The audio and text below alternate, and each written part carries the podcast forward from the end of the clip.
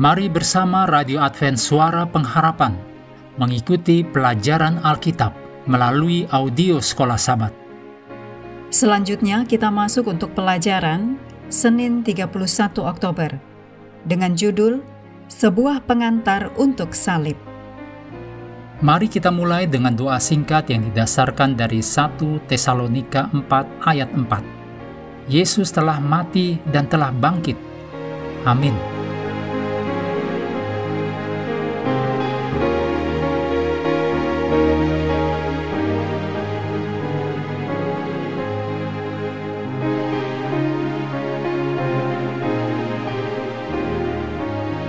Reaksi para murid terhadap pemberitahuan Yesus tentang penderitaan dan kematiannya sendiri dicatat dalam ayat-ayat berikut.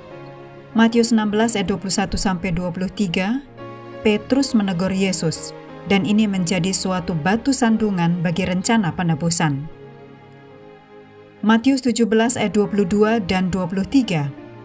Hati para murid sedih sekali. Dalam Markus 9 ayat 30 sampai 32 dan Lukas 9 ayat 44 dan 45 serta Lukas 18 ayat 31 sampai 34 para murid tidak mengerti tapi segan atau tidak berani menanyakannya.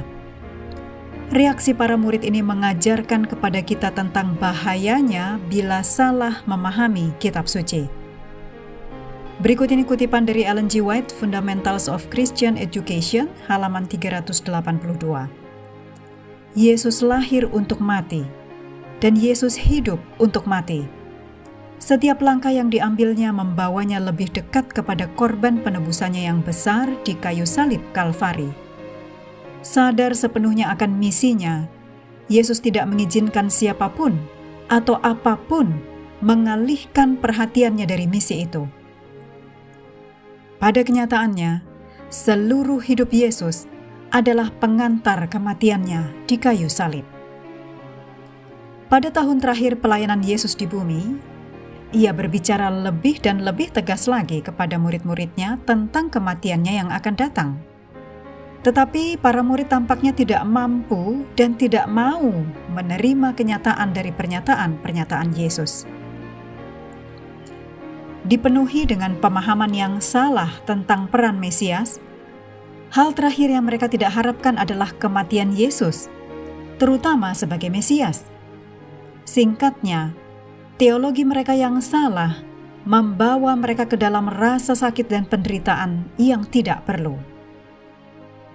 Kepada Nikodemus, Yesus telah menyatakan dalam Yohanes 3 ayat 14 dan 15, dan sama seperti Musa meninggikan ular di padang gurun, demikian pula anak manusia harus ditinggikan, supaya barang siapa percaya kepadanya tidak binasa, melainkan beroleh hidup yang kekal.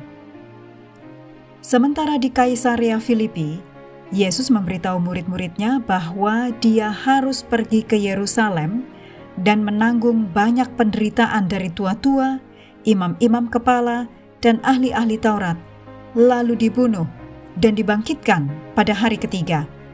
Demikian dicatat dalam Markus 16 ayat 21. Melewati Galilea secara pribadi, dicatat dalam Markus 9 ayat 30 sampai 32.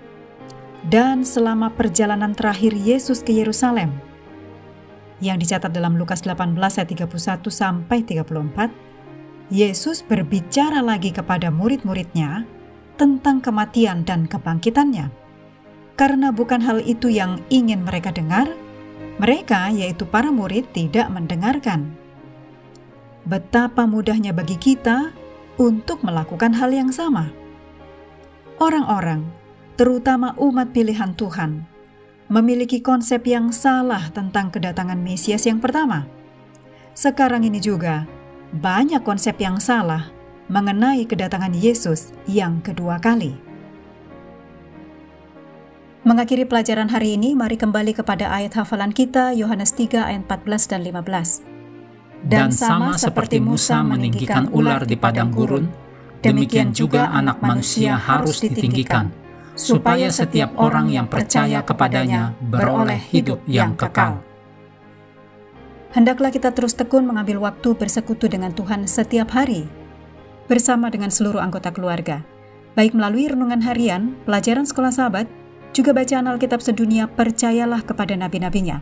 Yang untuk hari ini melanjutkan dari 2 Samuel pasal 24. Tuhan memberkati kita semua.